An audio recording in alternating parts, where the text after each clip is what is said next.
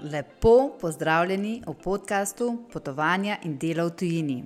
Moje ime je Maja Novak, zadnjih 16 let sem potovala in delala v tujini, med drugim kot interior manager na privatnih jahtah in živela v več kot desetih državah sveta. Preko podcasta želim svoje izkušnje in nasvete deliti z vsemi vami, ki vas take tematike privlačijo. V družbi navdihujočih gostov se razvijajo pogovori o osebni rasti skozi potovanja, različnih možnostih dela v tujini za mlade, o digitalnem nomadstvu, retritih in o skrbi zase. Welcome aboard! Pozdravljeni v 65. epizodo podcasta Potovanja in delo v tujini. Tokratno epizodo sem oblikovala malce drugače. Prvi del predstavlja pogovor z Žan-Luko, ki se ga morda spomnite iz oddaje Exatlon. V času najnega pogovora je bival na Maldivih, kjer začasno opravlja delo teniškega trenerja. Pravzaprav je na začetku svoje poti in kariere kot teniški trener. Del najnega pogovora je tudi primer mojega coachinga, ki ga imam z mladimi, ki mi kontaktirajo za nasvete in usmeritev. Žan-Luka je nedvomno na pravi poti je neustrašen, pogumen, osredotočen, discipliniran in, kar je najpomembnejše, proaktiven. Z gotovostjo lahko trdim, da je le še vprašanje časa, kdaj mu bo uspel veliki met. V drugem delu gostim svojega znanca Grega Teraža, ki je teniški trener že več kot deset let. Samo inicijativno se je odločil za študij v Ameriki in ob študiju tudi delal, da si ga je lahko sploh privoščil. Hkrati se je nenehno mrežil s ključnimi ljudmi in se dokazoval na vsakem koraku. Gregova zgodba dokazuje, da se z ustrajnostjo lahko daleč pride, medtem ko Žanlukova poudarja, da je ključno začeti in se zastaviti cilje. Za vse tiste, ki si morda želite postati trenerji v privatni industriji, torej delati z najbogatejšimi, ki zaposlujejo trenerje za celotno družino v svojih rezidencah po svetu, sem pripravila nekaj nasvetov o tem, kdaj in kako lahko začnete iskati takšno službo. To delo prinaša tudi visoko plačo, lahko celo do 7000 evrov na mesec, pri čemer so vsi ostali stroški bivanja pokriti strani delodajalca. Epizoda je polna informacij in želim si, da uživaš maksimalno. Žan, Luka, pozdravljen v podcast. Uh, ful, ful ti hvala, da si se ga udeležil oziroma sprejel moje povabilo. Um, najprej bi te rada vprašala, kako si kaj, uh, kje se trenutno nahajaš, jaz vem, kje si, ampak poveš še našim uh, poslušalcem in pa kakšno imate kaj vreme.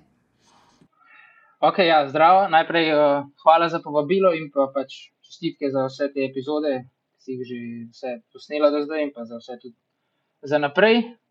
Uh, tako da, ja, jaz sem trenutno kot teniški trener na Maldivih, na otoku Gili Lankamfuši.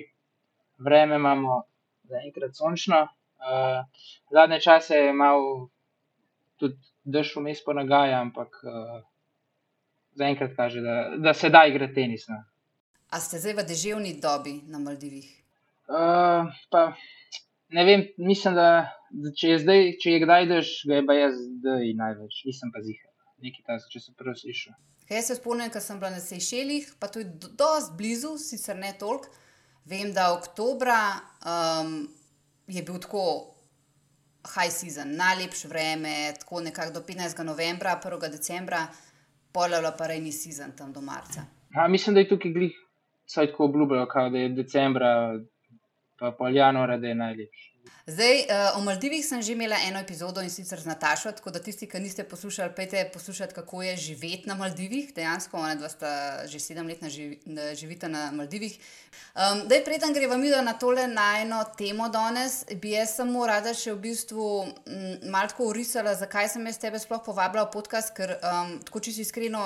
Nisi bil planiran, ker jaz sem tako planiran, ne goste, že za 2024 imaš vse napisane epizode. Ampak jaz včasih ful poslušam svojo intuicijo in si tako rečem, ko me nekdo navduši ali pa tako, ko vidim nek potencial, da bo ful dobra epizoda, rečem, to moramo posneti, to gremo akcija. Tako da kaj sem jaz v tebi videla, jaz sem slučajen, ko scrollam TikTok, ne. Uh, vidim tvoje videe, uh, kratke, in mi je ful uči padlo to, ja, okay, si Maldivi, na Maldivih. Ampak predvsem ta, ne vem, neka tvoja, m, pri teh letih, ti si 24 let zdaj, recimo, imaš eno tako res ful močno disciplino, oziroma nek, neko vizijo in neko tako motivacijo zraven, ker jaz pri mladih opažam, da ful manjka tega. Da so vsi tako razpršeni, ne vejo, kaj bi, mal bi tega, mal bi unga, na koncu v bistvu mislijo, da sploh nimajo več možnosti na tem svetu, nekaj pač delati s srcem, pa z veseljem, pa željo, pa zraven še dobro zaslužiti, pa ne vem, potovati, pa kakorkoli. Ti se mi pa zdi, da vse to imaš, si na začetku neke svoje poti in to mi je bilo tako ful dobr um, ujet v epizodo. No. Um, pa bi mogoče začela, kdaj si se pa ti s športom začel ukvarjati, pa je bilo ta, takoj to. Pač, veš, neka, si takoj vedel, da je tenis tvoj šport, ali kako si najdel pač ta, ta, to ljubezen do tenisa? Kdaj si to začel? Uh, začel sem ga, mislim, da takoj v osnovni šoli. Uh, mislim, da je takrat že moj oče malo začel igrati tenis. Uh, oziroma, takrat sem pač probil različne, mislim, da sem tudi futbol probil, pa futbol, pa tenis. Pol sem se odločil pač za, za tenis. Uh, bil mi je zelo všeč, imel sem tako malo tega občutka za, za žogo. Uh, in sem ga pač kar aktivno poligral do konca gimnazije. Uh, nekaj sem tudi tekmoval. Um, Vmes so bili tudi kakšni drugi športi, ampak vedno, ko je bilo polno tehniki, v kjer, kjer šport imam zbral, sem pa vedno zbral tenis. Zakaj pa si se pol odločil, da želiš iti v tujino, se pravi, si zdaj na Maldivih? Um, in kako je prišlo do tega, do, od ideje pa do neke izvedbe, da si začel pošiljati prošle in potem dejansko prišel na Maldive? Mal to zgodbo, če poveš. Ja, jaz sem po Exatlonu imel ena najboljših izkušenj, mislim, da so kar najboljša uh, sem si rekel, da bom začel potovati, da bom šel tja, da bom šel posod. Pa pa ne vem, dve, zdaj je dve leti minilo, oziroma malo več uh, pa se nisem tok, nisem tok, uh, nekaj sem malo potoval, ampak nikoli nisem šel tako dlje iz, izven Evrope. Um, in sem skozi ne vem. Iskal, če bi šel kdo z mano, ne, ker je lažje, če greš s kom ali pa s kakšno družbo. Um, pa nisem so bili za, ampak ni bilo tako, se mi ni zdelo, da, da, da so sto procentno zauzeti, da bi šli. Pa sem pa začel full pisati, um, kratko, ne, maile po različnih tehničnih akademi, akademijah po Evropi, pa tudi izven Evrope. Um, pač poslal sem moj CV, na kratko sem se predstavil, pač to sem poslal kar. Full mailov, no, tako sem kar ne prišel domov, pa sem bil z računalnikom eno uro, pa sem sam pošiljal. Uh, dobil sem nek, nekaj odgovorov, sem dobil. No.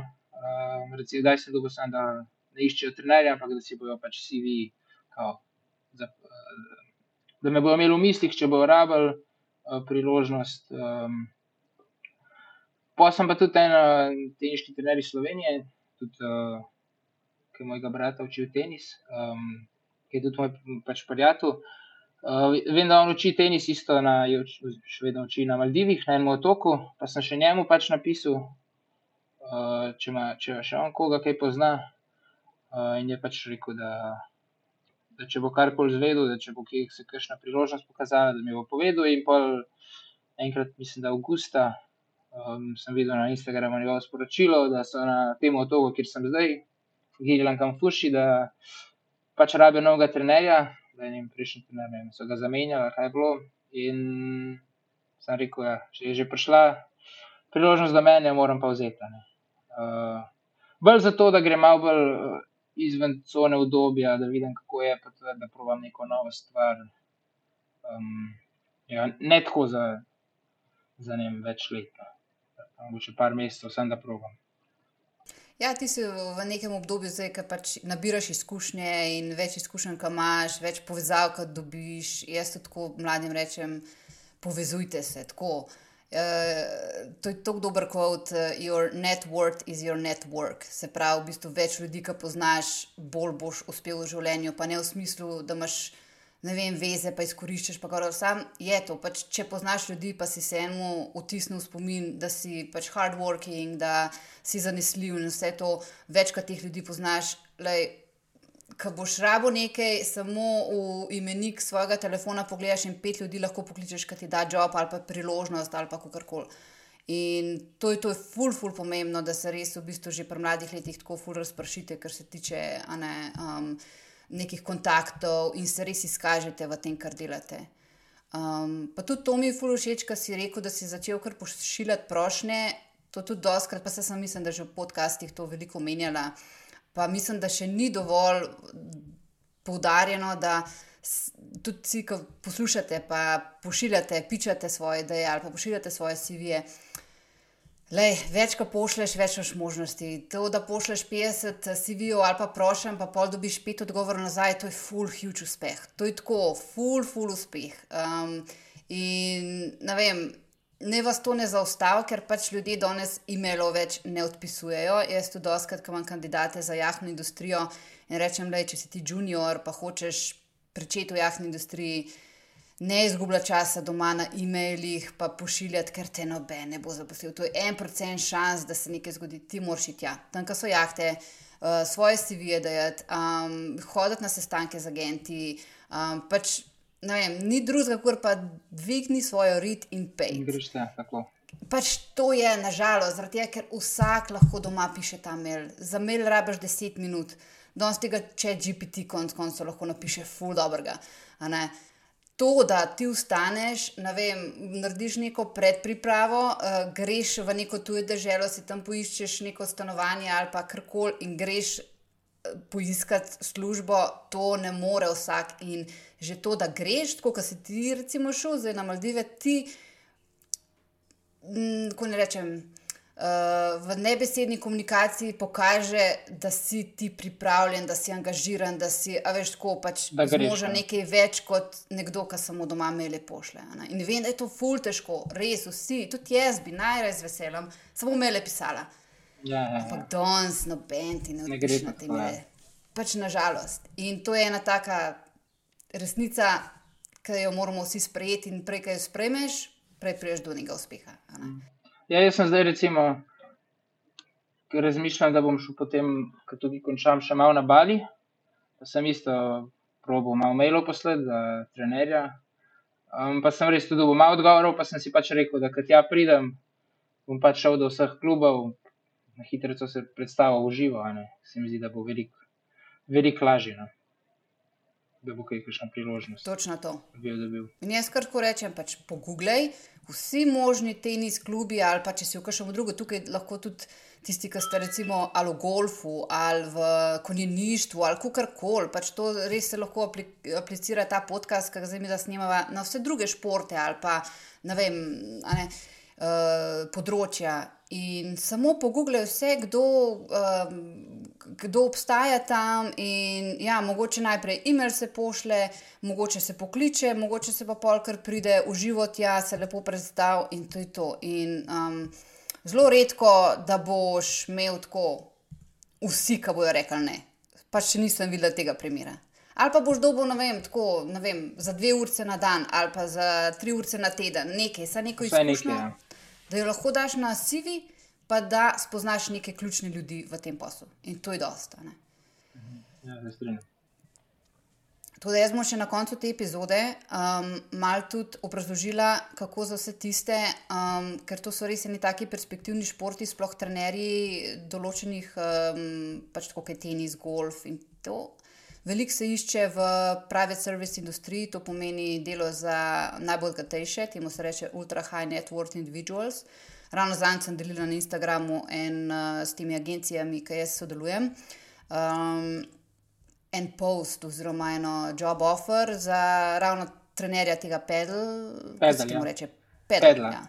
V Saudski. Arabiji za neko, ne vem, je bila Royal Family, je bila neka pač very, very important uh, family. Um, greš tja, 7000 dolarjev na mesec plača, vse accommodation, hrana, prevoz, vse pokrito in dejansko pač. Nočem s tem zdaj, ok, vse, kar rabimo v življenju, je pač res zaslužiti čim več denarja in gor, ampak da skozi to epizodo pač vsakdo dobi nek feeling, da se da. Veš, da če slediš neki svoji želji, da si dober v tem, da si discipliniran, fokusiran, da se da s tem tudi nekaj dobrega zaslužiti in pač ali kupiti neko svojo nepremičnino, ali vložiti v svoj posel, ali karkoli. Da se da, da ni to, jo, zdaj pa nekje fuldal vse noter, investiral pa pa v Sloveniji delo za 1000 evrov na mesec. Se jaz to verjamem, da pač nobenemu ni v interesu to. Tako da v bistvu s to epizodo, to je namen te epizode, da, da vse te neke šanse v bistvu obdelamo v pogovorih. Mislim, da se bom še jaz um, za ta, za ta uh, službo, za pedal trenerja, se bom še jaz prijavil. pač se bom to na koncu razložila, ampak malo težko je priti v to industrijo, če že nimaš. Um, Izkušen z bogatimi delati, ker to je čisto drugačen mindset.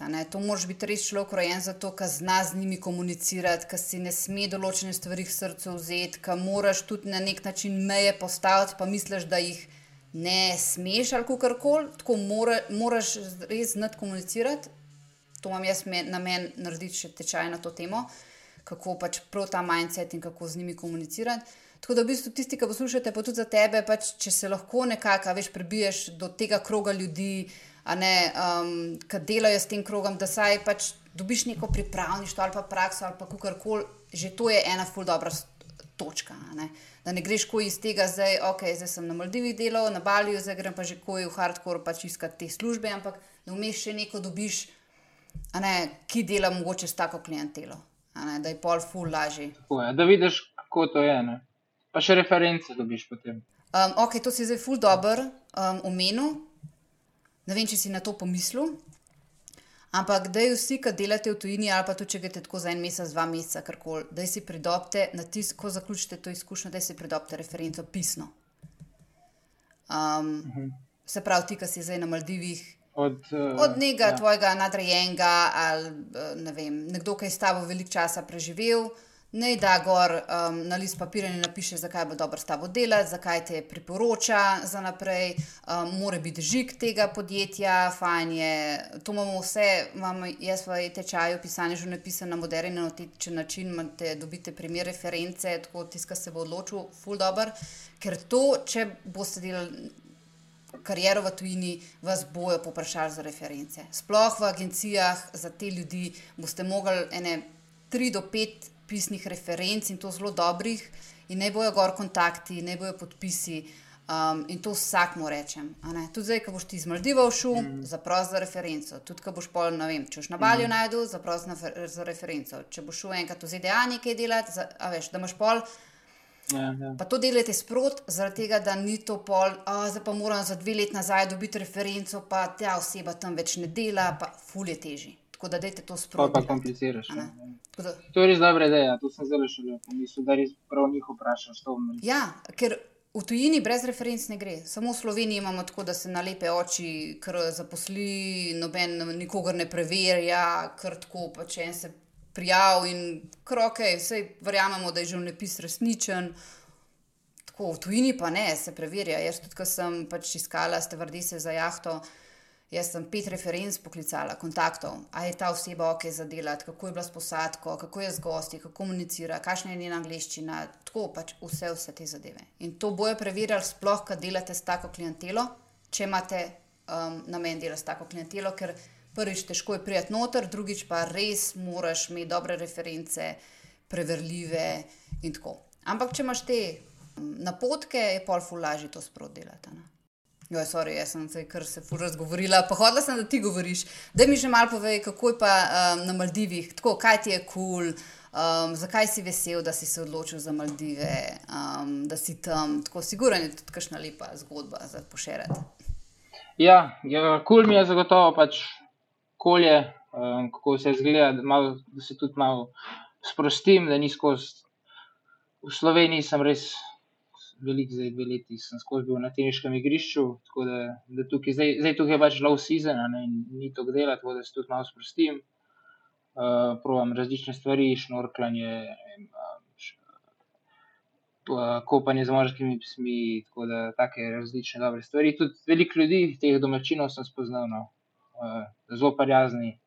Uh, vedno, ko grejo min tebe, živijo, živijo, kako si. Uh, vsakič ti to, vsak, vsak reče. Uh, tako da, ja, um, super je, no? uh, kar se tiče zaenkrat. No? Ampak, kot smo rekli, da, da bi bil pa tukaj več let, uh, se pa pa že, že navadiš. Uh, pač na, na vse, na, ti že malo postane, ko bi rekel, skozi isto. No? Res je tako majhno območje. Ne, to, to so recimo slabosti. Do, Dobro je pa to, da imaš vem, poskrbljen za hrano, za prenočišče. Edina tvoja skrb je pač to, da si tam tenis trener, da poskrbiš za igrišče, z gosti se malo pogovarjaš, um, se predstaviš. Um, tako da jaz sem to zdaj začel delati. Hodim na, na zajtrke, um, tudi, tudi, tudi izven svojega obdobja, pa grem pač kar do, do mize, pa se predstavim, pa povem. Pač, najprej pač vprašam, kako so, če so prvič tukaj, pa pač povem, da, da sem tukaj tenis trener in da če hočejo kadarkoli um, pač proba tenis ali pa če, če so že igrali, ne, da malo napredujejo, da, da sem na voljo. Tako da, ja, pa imam pa take, zdaj sem si že naredil neko rutino in je vsak dan približno podoben. No. Kakšna pa je tvoja rutina? Kaj ti je najbolj pomembno, da imaš v svoji dnevni rutini? Ja, vsak dan uh, moram neki, saj nek trening narediti, ker sem se že zdaj malo uh, večkrat zredil. Uh, tako da saj neki, ker res uh, je ta pač, sam, lahko vzameš hrane, kot hočeš. Ne, res veliko pojem, tako da vsako jutro ja, nek, saj neki trening naredim pred kosilom, uh, grem vodo, malo berem. Če se da, grem na kakšno dejavnost, če, če ni polno z gosti, pravi, če, če je še kakšno mesto, frej greš lahko, ne vem, gledati. Uh, Dolphin cruise se imenuje, se pravi, greš delfini, gledati gled delfine, lahko greš šnorklati, mante, lahko se surfati učiš. Tako da, če, če je opcija, grem tudi to narediti. Tako da, ja, provam pa tudi čim več ljudi spoznati, no. da saj ustvarjam neke kontakte, neke mreže, da spoznam ljudi. Tako, no. Če si že tam, da res izkoristiš na polno. Veš, kaj me še zanima, kaj pa tvoji eh, starši oziroma okolica, um, ko so sprejeli to, da, da greš eh, v tujino, oziroma ali te zastopijo, te razumejo, zakaj to delaš, ali je tako, kakšen dvom, ne, da je Žan Luka, da je rajpejt, ne vem, v neko, veš, safe job, pa tako. To me malo zanima. Ja, um, So tako, niso rekli ne, in ta ne so rekli, ja, da če hočeš, rej, zakaj pa ne, to bo res dobra izkušnja za te. Uh, mogoče zdaj malo govorijo, ja, ko boš prišel nazaj, um, moraš, pa, moraš pa res se odločiti, kaj boš delal, ne moreš kar neki, kar neki napolne, uh, neki malo tenis, malo pedel, um, moraš, moraš se posliti, ne, ker zdaj sem bil pač študent. Um, pač drugače pa ja, um, spodbujajo. Um, da grem, pač, da probam. Um, je pa tudi ta, ne, klasič, klasičen, rekel. Pač klasično hoče, da, da ko pridem domov, da si pa najdem nekaj za fiks, da je fiksno. Ja, tako kot večinoma v tem. Um, kaj bi si pa želel, da bi ti rekel, oziroma da bi mogoče kaj drugače komunicirali ali kaj drugače te podprli? Pa ne, vse, vse me podpirajo. Um, pač karkoli naredim, vejo, da, da, da razmišljam na pravilen način. Uh, tako da, to no. Mogoče, da bi malo, malo, malo manj, da bi to poudarjal, pa pa še jaz začnem razmišljati. Mm. A, ja, moram pa res, ne smem tudi kar na Maldivih neki biti. Pa, pa noč ni dela, pa, pa, pa se malo razvajam, razvajam, pa ni več tega, kako bi rekel, hasla.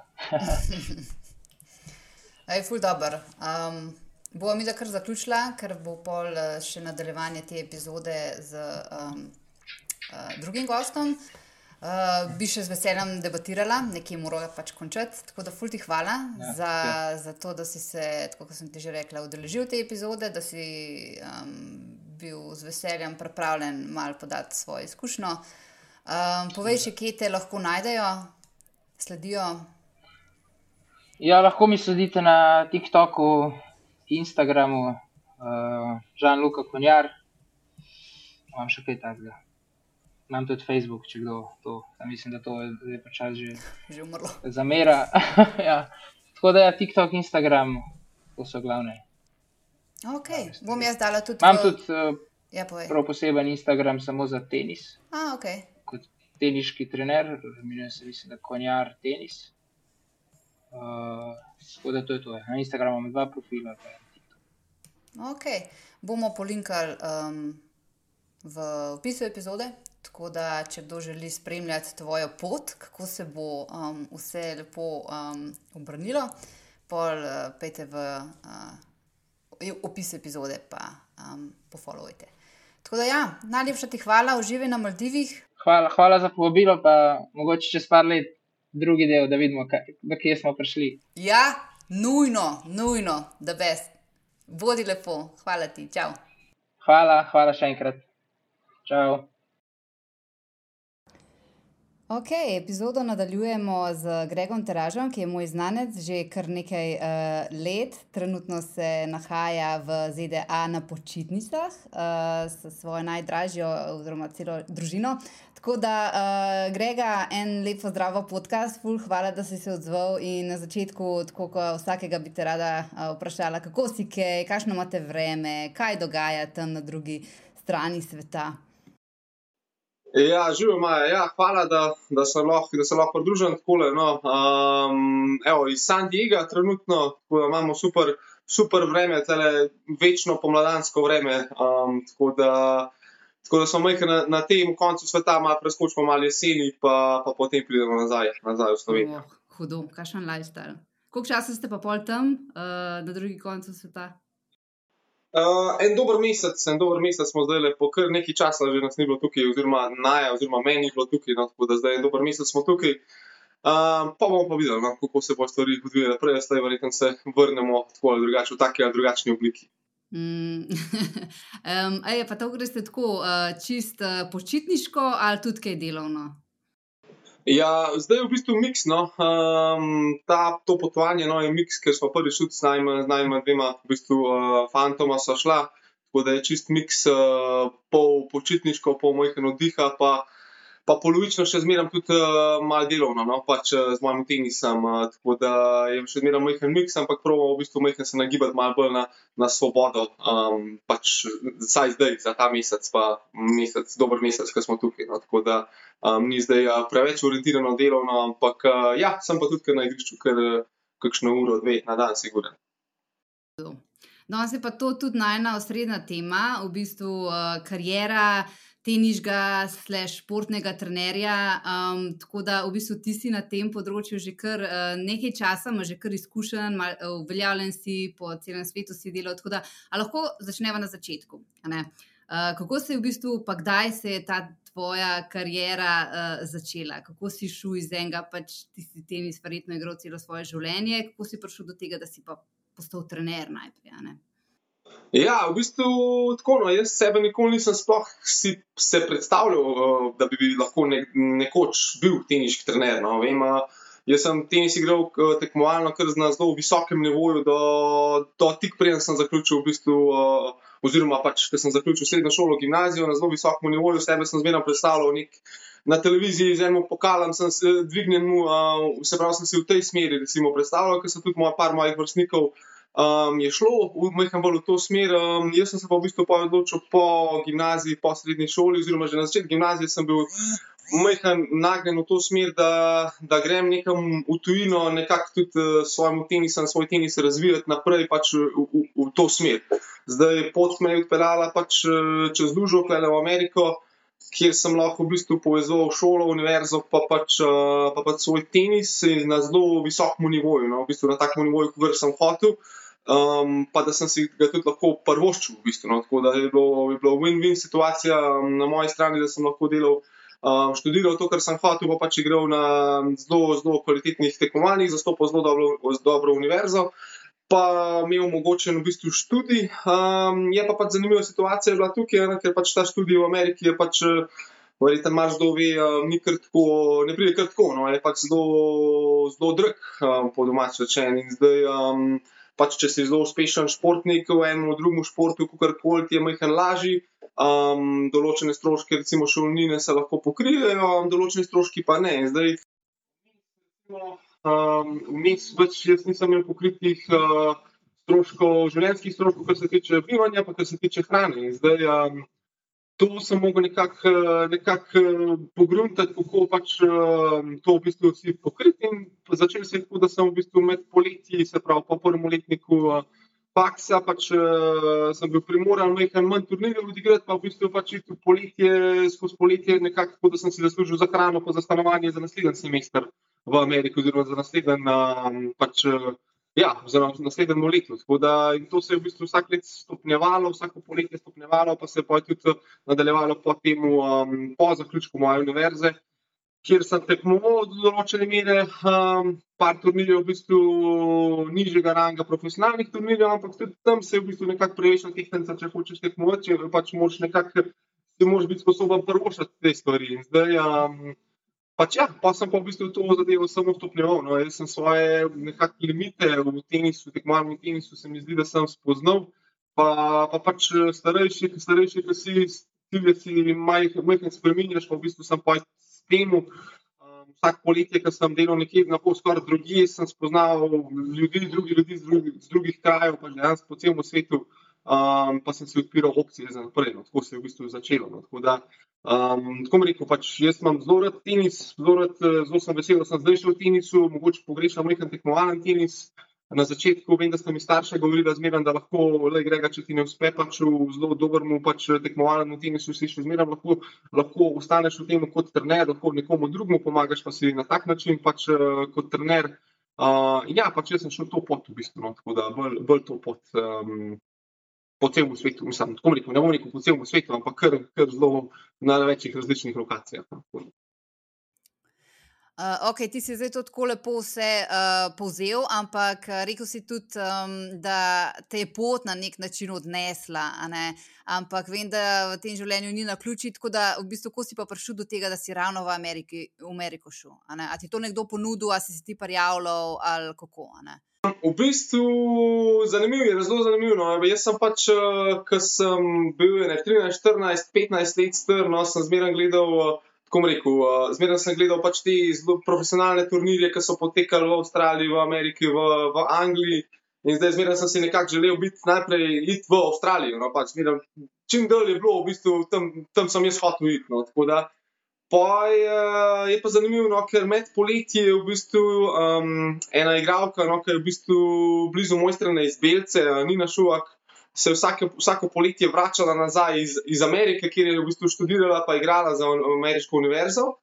Pa jaz sem zelo, zelo veliko tudi pretreniral vsako poletje. In vsako poletje sem nekako eh, doma, ker sem bil v gimnaziji, sem dobil zmeraj več informacij, um, več informacij, kako to poteka tam, kako pride do tja, kakšen je študij, kakšen so treningi, kam potujejo, koliko igrajo, koliko eh, kolik igrajo, kakšna je kvaliteta. In, vsak eh, let, vsak letnik v gimnaziji sem bil bolj, sem bolj menjal v bistvu to mentaliteto, pač ok, Avstralija, super, grega se bo šel, ampak čak, čak, čak, čak tam na drugi strani je nekaj mogoče še malo bolj zanimivega, ker lahko povežem s svojim tenisom. Pa, pa pač tudi študijem, študij sploh nisem tako nekako prioritiziral, ampak bolj s tenisom, kam me lahko pač eh, to odpelje. Pač. To, na ta način sem pa v tretjem, četrtem letniku sem bil pač kar že zelo odločen, da bom tja šel. Zdaj sem pa prav, moj, moj cilj je bil pač igrati čim, bolj, čim boljše rezultate, imeti, da lahko v bistvu pač. Um, Um, se dokažem, pa pač eni univerzi, pač za katero koli se bom pač odločil, pač uh, pokažem mojo nekako, kako rekel, moje znanje, uh, da bomo tudi čim večjo izbiro v Ameriki, kam bi lahko šel, za katero univerzo bi lahko nastopil. No, In um, ja, pa sem pa tretji, četrti letnik, v bistvu v tistih časih ni bilo tako, kot smo zdaj, ki se lahko mi razgovarjamo čez cel svet.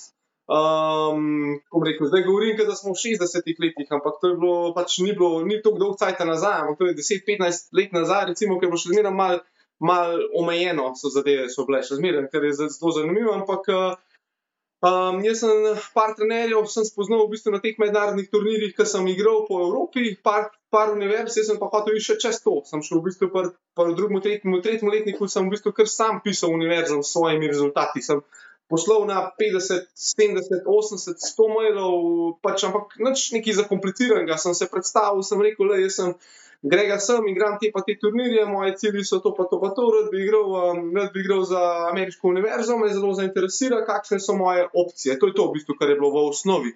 In pa sem pa za neparimi univerzami v bistvu um, bolj uh, navezal stik, uh, mehen, uh, malo bolj oren stik, kakšni mi sploh niso odpisali, pač čisto enostavno, ker sem jih poj spoznal na koncu v Ameriki te trenerje, ampak, uh, ampak ja, pa sem pa v bistvu skrčil seznam na ne tri, štiri univerze, pa sem pa v bistvu nekako se išlo, da sem uh, um, pač z eno se dogovoril, pač za, za, rekel, za, da sem za njih igral, pa pač tam študiral. No, The best, točno to. Jaz bom pol uh, v opisu epizode tudi dala en link do enega podjetja oziroma organizacije, ki se ukvarja s tem, da pomaga mladim športnikom na študij v uh, Ameriko, um, LDV Prospects, če si že slišal. Um, tako kot si rekel, včasih tega ni bilo, smo se mogli nekako sami znajti.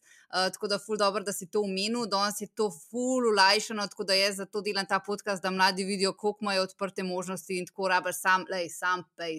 A si se ti kdaj soočal s tem, da te je bilo ali strah, ali da ne ve, ali si bil tako fokusiran, pa to, veš, da si rekel, ne, jaz grem in bom to dosegel, ne glede na vse. Kaj, kaj, je, kaj je bila tvoja motivacija, da te je gnala? Ne?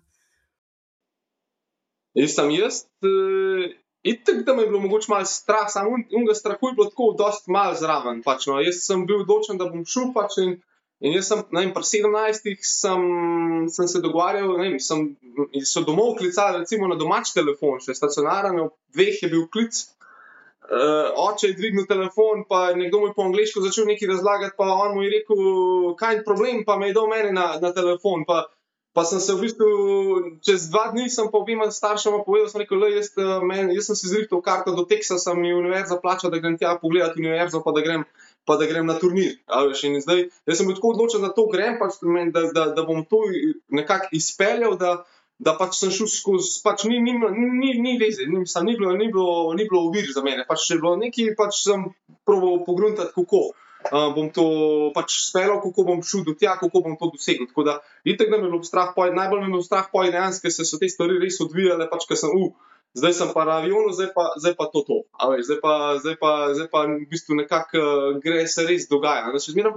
Pač tudi poznal sem, poznal sem igralce, ki so nazaj prišli, ker to ni bilo, vedel sem, da je to zmeraj neki opcija. Sam sem rekel, le, če sem toliko časa to delal za to, pa pač v tej smeri, pač enostavno, ne zaradi tega, da bom šel, zaradi tega ne bom šel nazaj domov, ampak uh, to, je to, to je to, kar jaz hočem in pač to bom speljal, pač, če slučajno karkoli ne bo v redu, pa tudi ni bilo v redu, dejansko pa sem pa tam naprej reševal uh, zadeve. Tako da, tako da ja. Ja. ja, to si ful dobro podaril. Pač ni vedno vse perfekt in vedno se bojo pojavljale kakšne stvari, ampak jih rešuješ na mestu. Uh, ni za to, da si paničare že pred tem.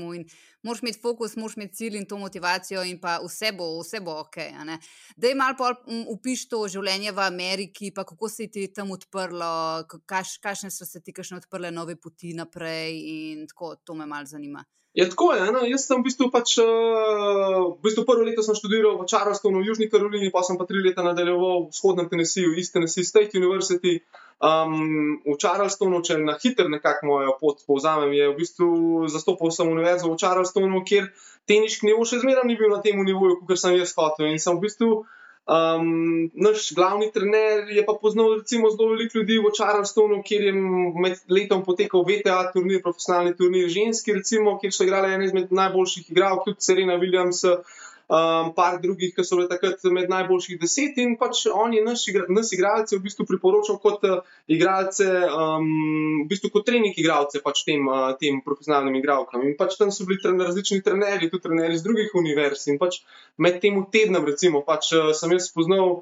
Enega bivšega igralca iz univerze, te univerze, ki pač v Tennesseeju, na katero sem se jaz prepisal, uh, Um, mislim, igral sem, spoznal sem trenerje, spoznal sem te igralke, videl sem še nekaj širši, še širšo nekaj sliko. Um, ta trener me, recimo, oziroma igralec me sprašoval, če sem zadovoljen, če nisem zadovoljen, in se tako navezala stike, uh, da sem zamenjal, da sem šel v Tennessee. V Tennesseeju, recimo, pač eh, sem tudi istemu temu trenerju, ki je bil potem pomočnik trenerja.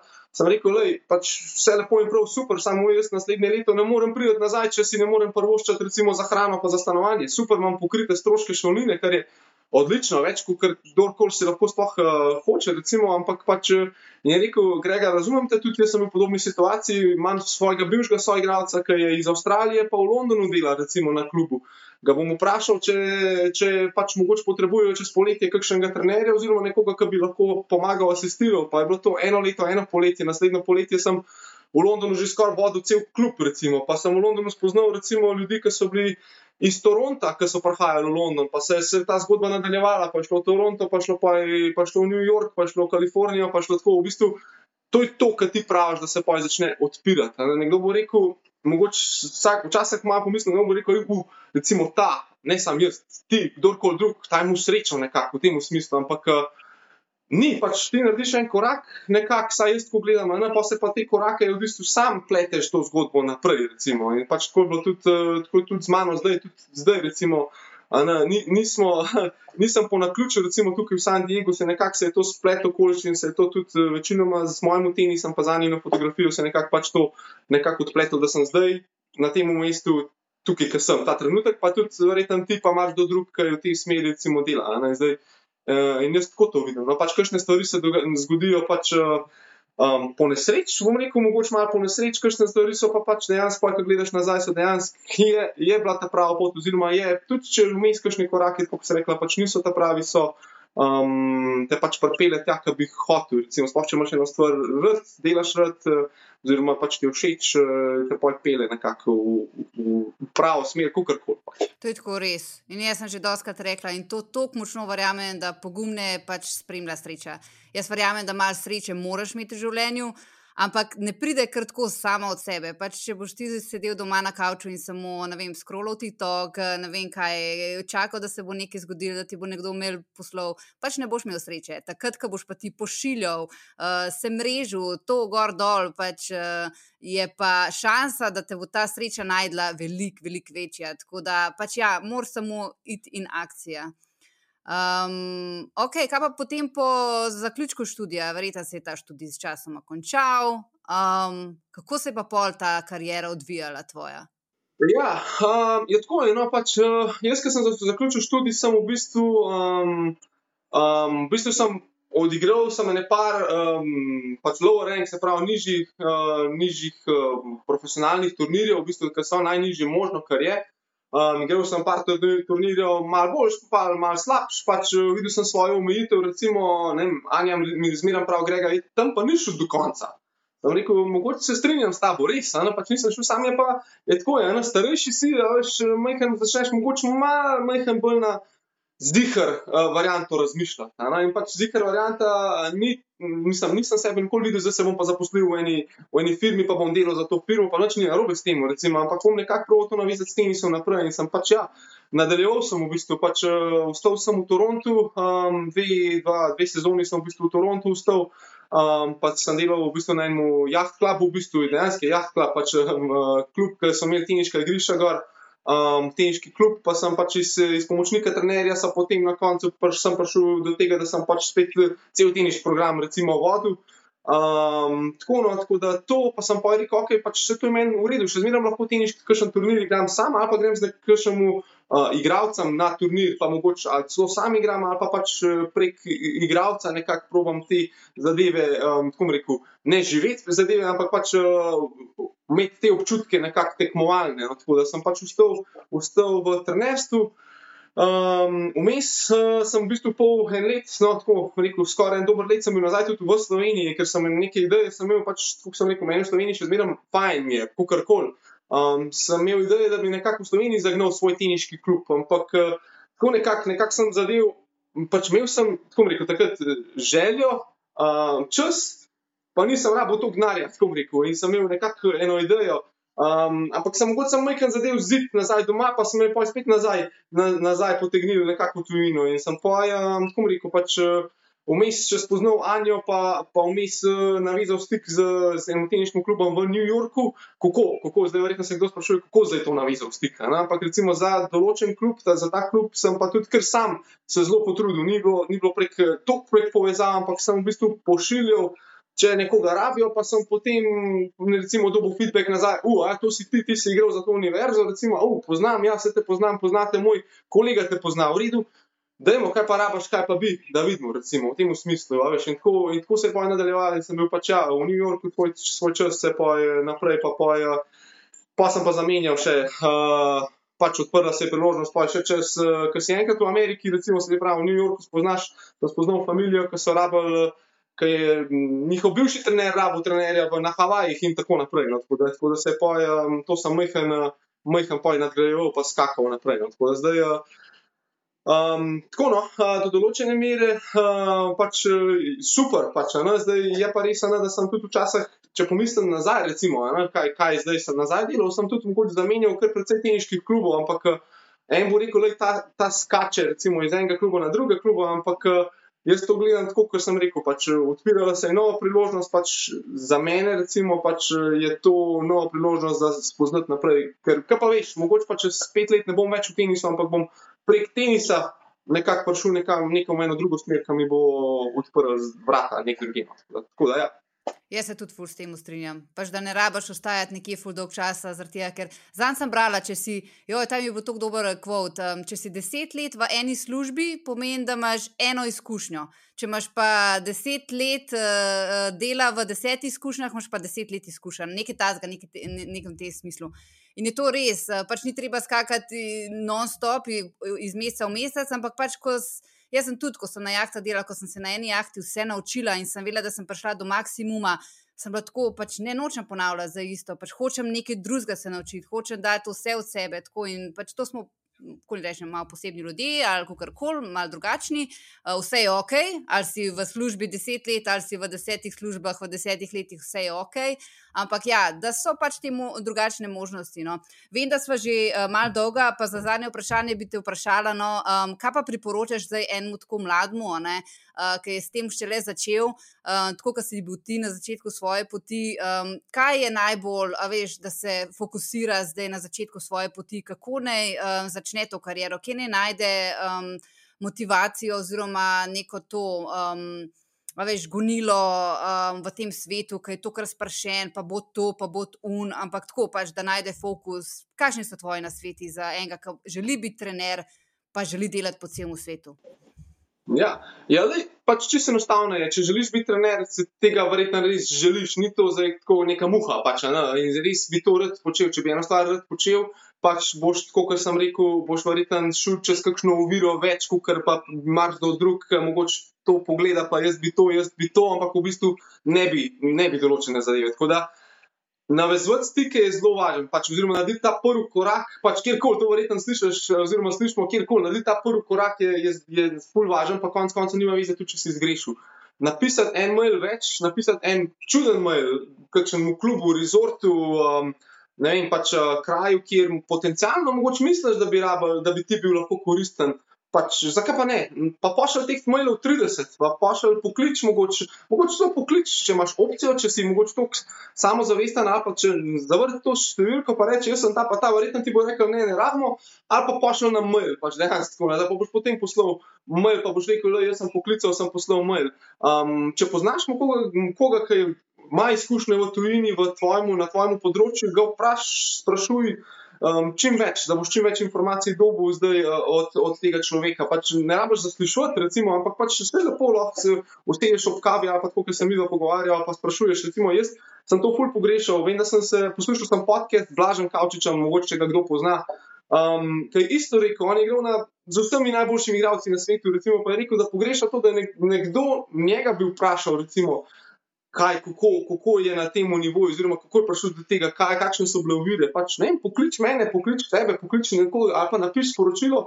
Pač v najslabšem primeru bo dobil odgovor čez dva dni, ker nekdo nima časa. Pač, ne vem, pa ti bo mogoče kaj koristil, pa poj te stvari nekako prove povezati v celoto, pa poj nared korak, pa boš sigurno nekako dobil nek odziv, feedback nazaj, ki ti bo pomagal en korak dalje narediti naprej. In prišlo bo do tega, da boš prej vstaj dobil neko šanso, tako bom rekel, da, da nekaj lahko probaš, da nekaj lahko nekaj začneš eh, delati v tujini. Recimo, Čist lep primer bom dal zdaj, ker čist en lep primer. Ena stran obstaja protenisjobs.com, eh, mislim, da je. Ja, .com.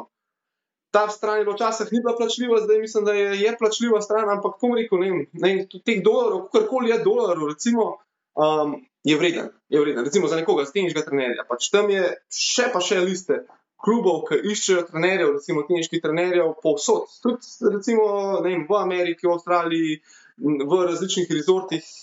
Zakaj pa ne? Pač, ko mu rekel, marš dom, mogoče v Sloveniji, mogoče misliš, upismo sam. verjemi, da se bo vrnil, se bo povrnil, no, se bo povrnil ta čas, ta, tudi ta denar določen, do določene mere nazaj, če si to želiš, pa če boš pa, boš prišel naenkrat.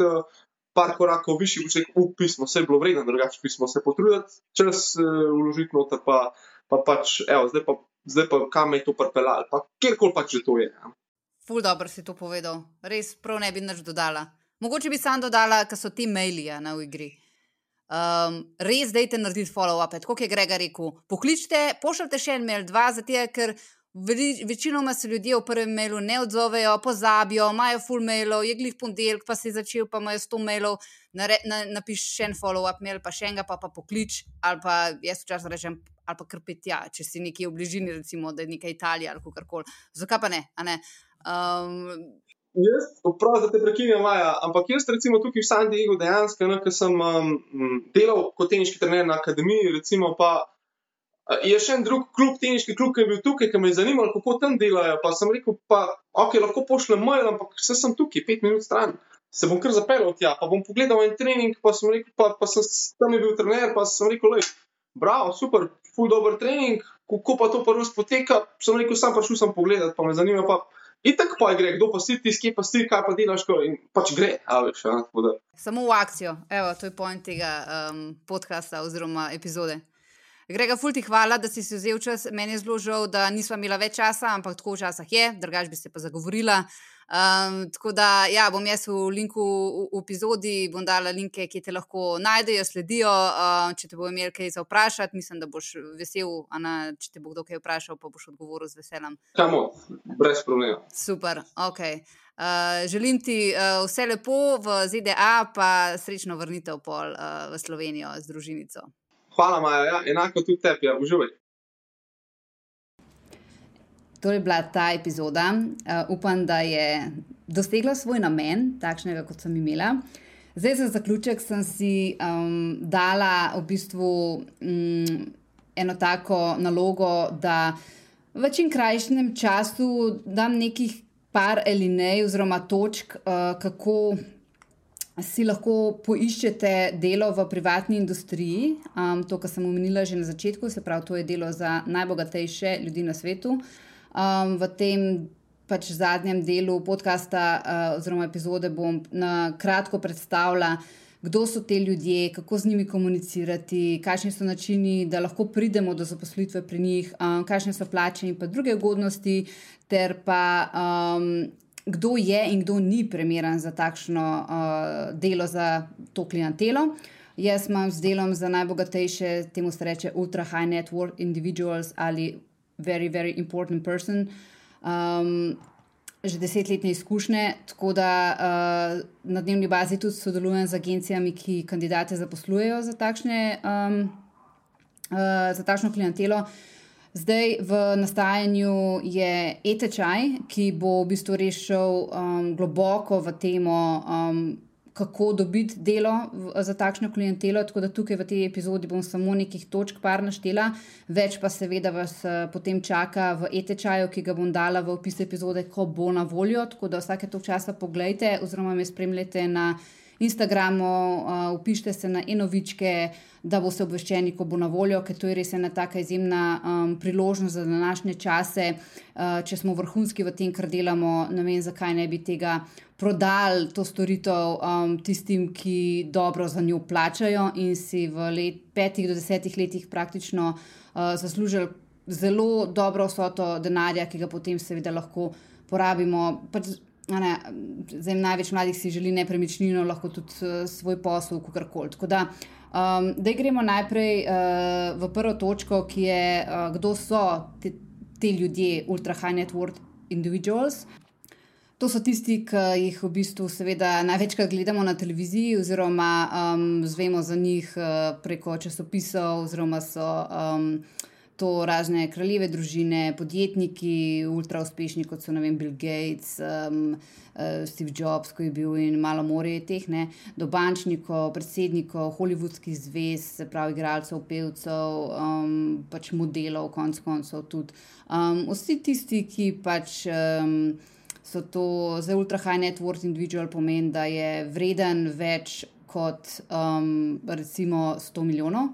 Um, do milijarderjev. Čeprav um, jaz bi to malo drugače uh, razdelila, jaz bi rekla, da so um, high net worth individuals, uh, milijonari, ultra high net worth individuals, pa milijonari oziroma milijarderji, uh, ker je um, izmed njih res ena tako velika, velika razlika, ko delaš z njimi. Dela, točno veš, da delaš z milijonarjem, ali delaš z milijarderjem, ker je tako velika razlika.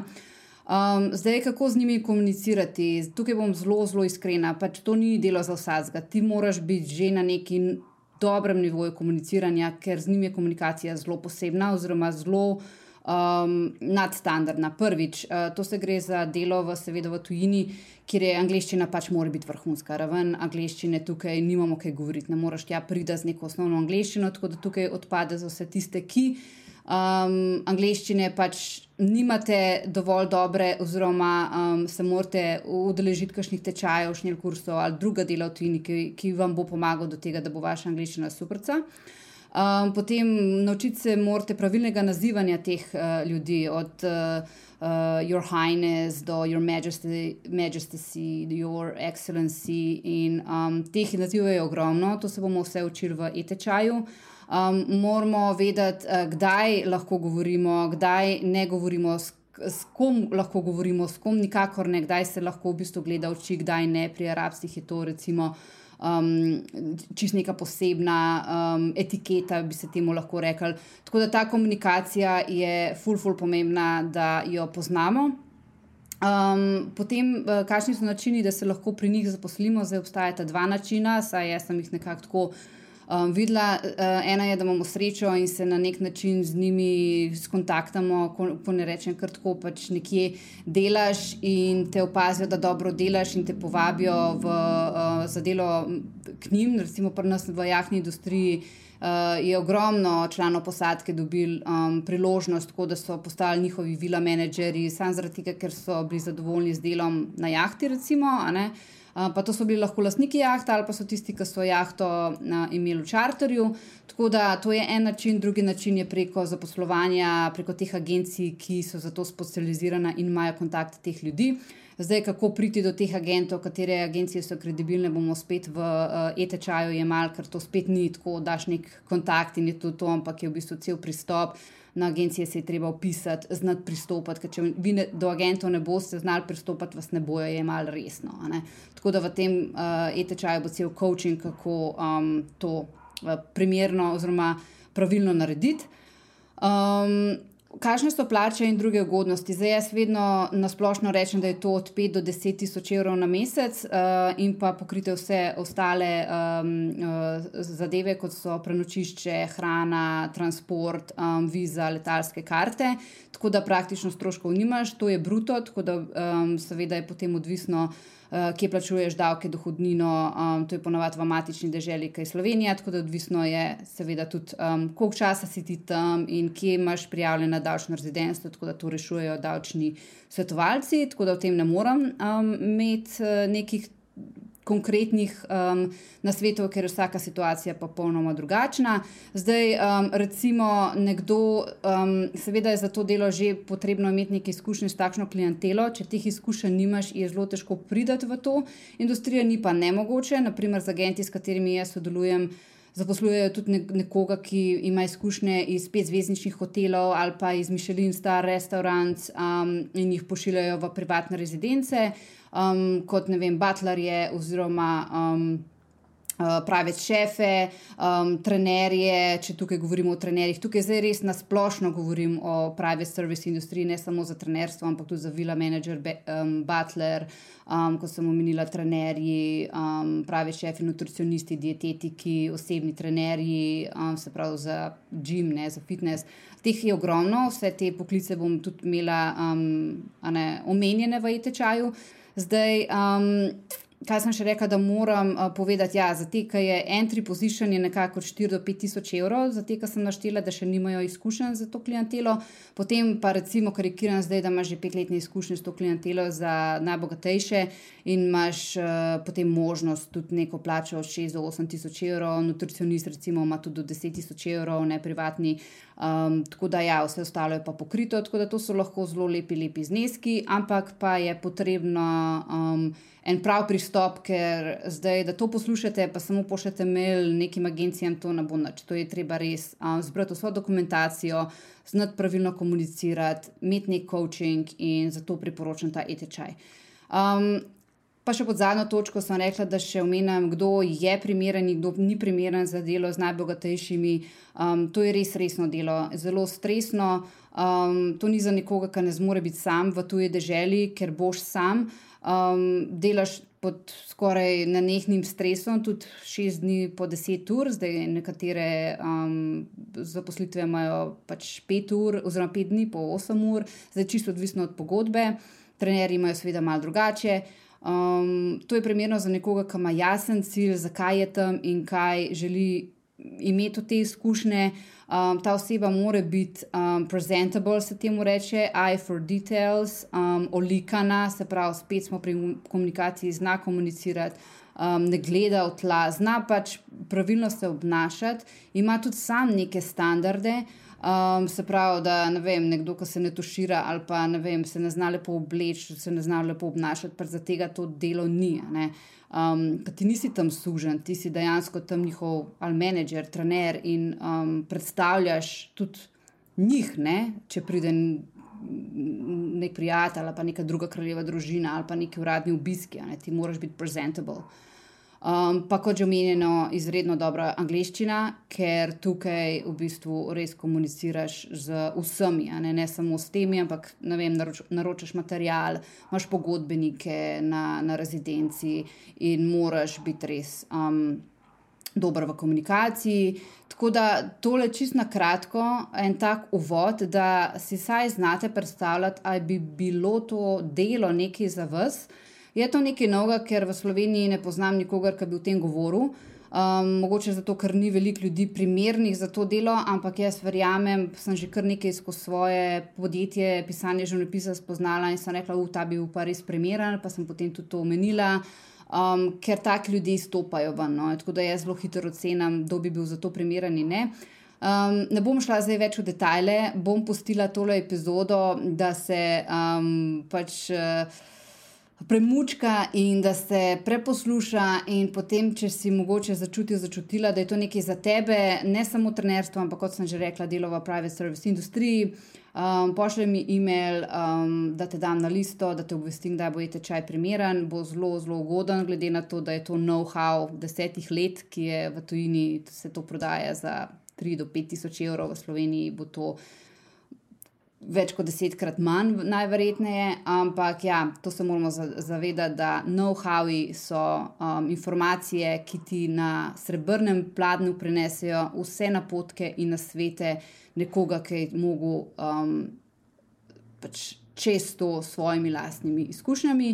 Tako da, um, ja, to je to moje sporočilo in želim vam en lep. Um, dan se vidimo oziroma slišimo v e-mailih in DM Instagramu, tako da bodite lepo. Ciao!